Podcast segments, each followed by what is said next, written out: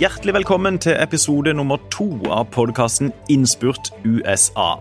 Med politisk redaktør i Federlandsvennen Vidar Udjus, som altså er med.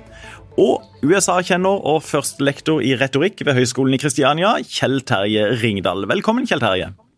Tusen takk. Og du er på linje fra selveste hovedstaden. Inside the Beltway. Nedenfor Sinsenkrysset. Innenfor Sinsenkrysset. ja. Kjell Terje, det er altså to og ei halv uke til valgdagen.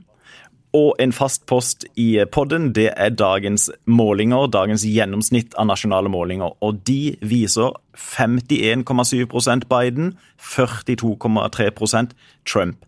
Ledelsen er redusert med et lite prosentpoeng de siste par, par dagene. Hadde hadde du vært bekymra hvis du var Biden? Eh, altså Ja, men nei. Altså, eh, Biden har nå den største og klareste ledelsen eh, av eh, en som utfordrer en sittende president, siden 1936. Nå ligger han altså på sånn mellom 9 og 10% av, eh, av gjennomsnittene. 9,2 fra Real Clear Politics.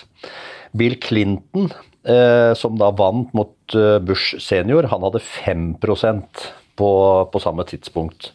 Så det alt, og igjen, vi banker i bordet, alt tyder på at dette bør gå Bidens vei.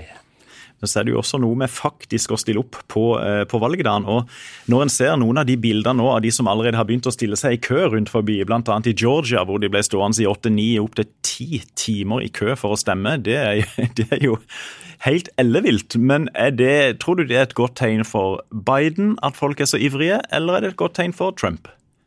Jeg tror det er et godt tegn for Biden. Jeg tror at uh, de gruppene som, som, man nå trenger, uh, og da disse omtalte 10 prosentene som er undecided, de som ennå ikke har bestemt seg, eh, herunder kvinnene, de ser ut til nå å mobilisere. For det veldig mange kvinneorganisasjoner sa i 2016, var at eh, vi ved å ikke stemme, for det var det mange kvinner som ikke gjorde, førte eh, Trump til makten. Så det har jo vært et slags slagord da, eh, blant veldig mange kvinner at vi, vi, må, vi, må, stemme. Next time we have to vote. Så det er kanskje det som nå er i ferd med å skje. Og Det er vel også et kjennetegn ved, ved tidligere amerikanske presidentvalg, kanskje bortsett fra i 2016, men at kvinner avgjør fordi at de i litt større grad enn menn faktisk bruker stemmeretten. og Hvis de også gjør det denne gangen, så um så bør jo det være et godt tegn for, eh, for, for Biden. Men du, Kjell Terje, vi skal jo uh, fokusere på og prøve å analysere det viktigste som skjer i valgkampen. Og i natt, altså natt til fredag, så deltok Trump og Biden i hver sin TV-sendte debatt. De skulle jo egentlig møtt hverandre, og så ble ikke det nå pga. koronasmitten til presidenten. Og nok en gang i den debatten så nekter altså Trump der å ta avstand fra konspirasjonsnettverket QAnon, eh, som bl.a. hevder at demokratene er involvert i et globalt pedofili- og satanistnettverk. Og, eh, og dagen før så videretvitra Trump en konspirasjonsteori om at Osama bin Laden ikke ble drept likevel i dette raidet i Pakistan i 2011, og at det tvert imot kan ha vært seks amerikanske US Marines som, som ble drept der. Hvor, hvorfor gjør presidenten i USA dette, Kjell Terje? Jeg tror han har fått på seg en slags mental supermanndrakt, hvor han tenker jeg kan ljuge om hva som helst, når som helst, dersom det fungerer for meg. Nå har jo eh, altså Det er jo ingen grenser, tydeligvis, og at vi har kommet inn i en sånn slags sånn, eh, parallellverden. Et eget univers hvor alt det vi hører, kan være løgn eller bullshit, som vi skal snakke litt mer om. Eh, og Trump har jo da erfart gjennom disse fire årene Han har blitt tatt i løgner 22 000 ganger. Og det han erfarer, er at det betyr ingenting. Om det er 22 000 eller 220 000 eller 2,2 millioner, Løgner betyr ingenting. Vi og amerikanerne har kommet i en situasjon hvor det å ljuge, strategisk, taktisk ljuging, virker på sett og vis inn mot den ca. halvparten som heier på det. Det er jo et fryktelig uttrykk, strategisk ljuging. Ja, kan det bli verre. Eh, og, da, og, da, er vi inne i disse kaninhullene, ikke sant. Og med, med hvordan eh, USA er delt i to nesten like store deler, og hvor hver av kandidatene kan si hva som helst, og de får applaus, og eh, tilsvarende eh, buing fra den andre halvdelen. Og nå tror jo jeg det virker jo som om det er mindre ljuging fra den demokratiske siden. Altså absolutt. Men, men, Trump opplever da som sagt at dette virker. Dette er en, dette er en god strategi.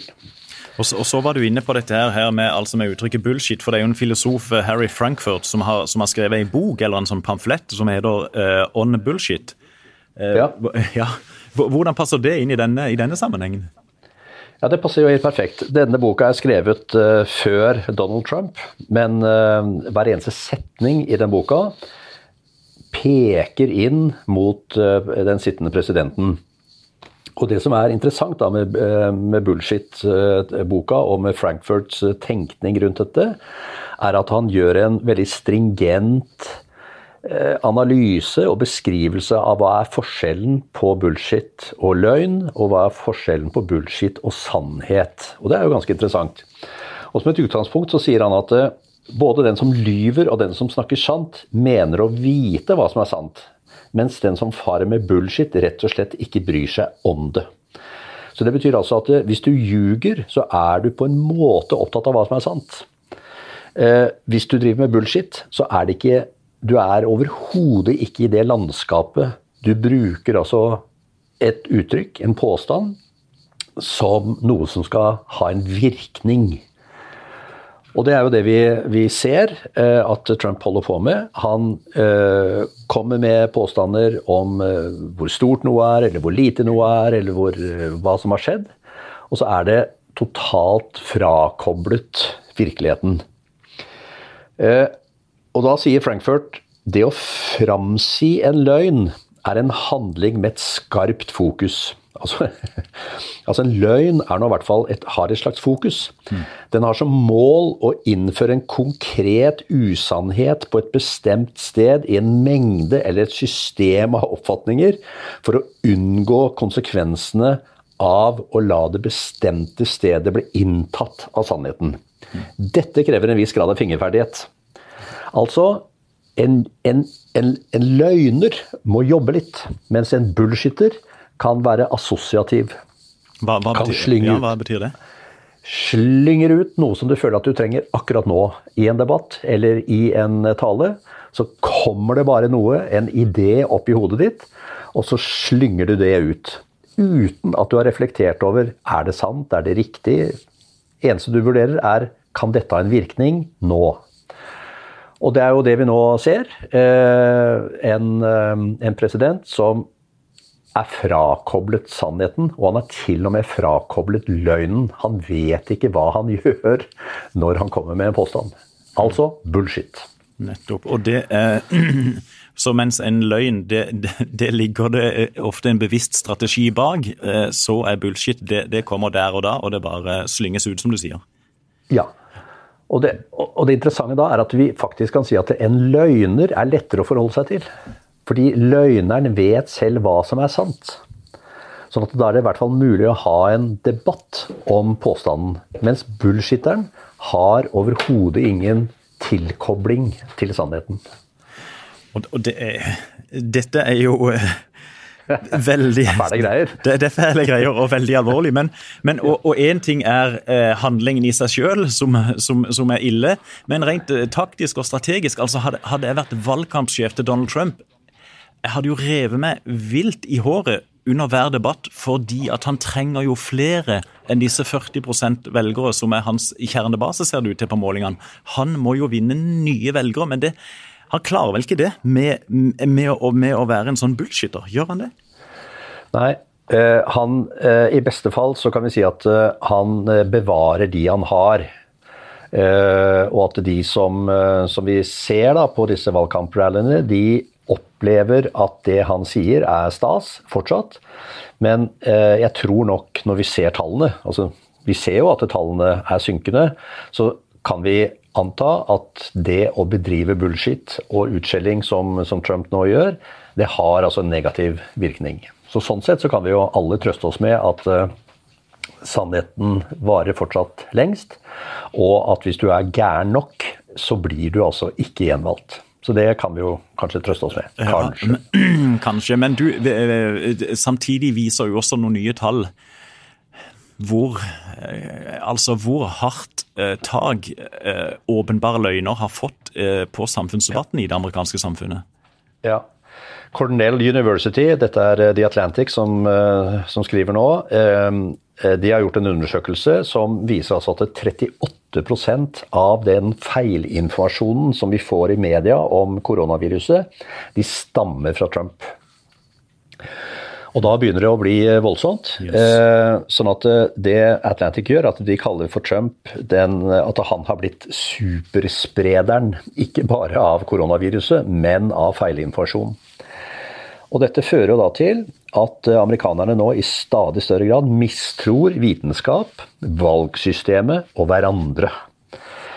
Så man kan jo si at han, eh, han har dårlig innvirkning på det amerikanske samfunnet. Jøye meg. Alv alvorlige ting. Men du, Kjell Terje, vi skifter litt gir for det at uh, og til litt, litt, mindre alvorlige ting, men, men, vi må av og til i denne podden også se litt bakover. Og da på tabber eller høydepunkter som har prega tidligere valgkamper, og som har vært sånn definerende, definerende, øyeblikk, og som en i ettertid ser på med litt større humor enn det de nok gjorde akkurat da, da, da det skjedde. Eh, plukk ut én ting i denne sendinga. Ja, en av, en av, mine favoritter er jo Mikael Dukakis, eh, den opprinnelige greske eh, demokraten som, eh, som, kjempet om, eh, om, å bli president. Han var svak på forsvar. og de, han fant da ut at han skulle ha et valgkamparrangement hvor han skulle invitere mediene, selvfølgelig, og, og plassere seg selv oppi en svær tanks. Og Dukakis var ingen stor mann, han var rett og slett en ganske liten mann. Eh, og da de plasserte han oppi denne tanksen, som da skulle kjøre mot pressekorpset, som sto med mm, sine skarpladde filmkameraer og fotoapparater, så så altså valgkampmedarbeiderne at han sank ned i denne store tanksen, og at det var liksom bare øverste del av nesepartiet som stakk opp.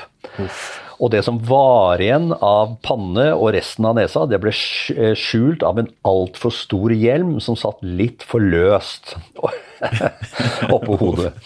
Og de beskriver da i ettertid dette marerittet av denne store tanksen som, eh, som kom kjørende, og denne hjelmen med lite, en liten nese imellom kom mot mediene, og så tenkte de vi har tapt valget.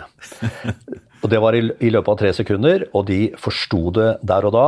Og var altså tidenes dårligste eh, foto eh, opp, som de kaller det.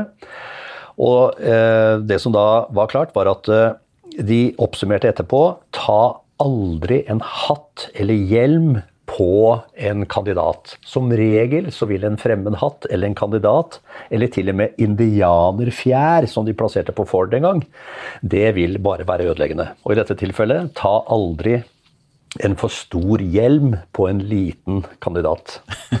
Stakkars Dukakis. Han var jo ellers en veldig anstendig og fin presidentkandidat, da, og det var vel det, dette var vel eh, Nå var det 1990 mot uh, Nei, 1988, er, 1988 ja. mot George uh, Herbert Walker Bush. Det er riktig. Ja. Han hadde jo også, eh, For å toppe dette, da, så hadde han jo også en bitte liten sekvens i en debatt hvor han ble spurt om hva vil du faktisk gjøre dersom du eh, kan gripe inn og hindre at din kone blir voldtatt og drept. Og da begynner han svaret med Well. Oh. Og dette Well, det er jo sånn som man kan gjøre hvis man er universitetsprofessor og skal drøfte en sak. Men hvis du skal være tough on crime og tøff på vold og klar og tydelig, så må du ikke begynne med 'well' når du skal forsvare kona di. Åh, det, er, det er brutalt. Det er brutalt. Ja, rett og slett. Kjell Terje Ringdal, kvarteret er gått allerede eh, for i dag, men vi er tilbake mandag. Og i mellomtida, hvis du ikke allerede har gjort det, abonner gjerne på podkasten, og gi den veldig gjerne noen stjerner på appen du bruker. Så høres vi mandag, og i mellomtida så sier vi eh, takk for nå. Takk til deg, Kjell Terje. og på gjenhør. I like måte. Takk for i dag.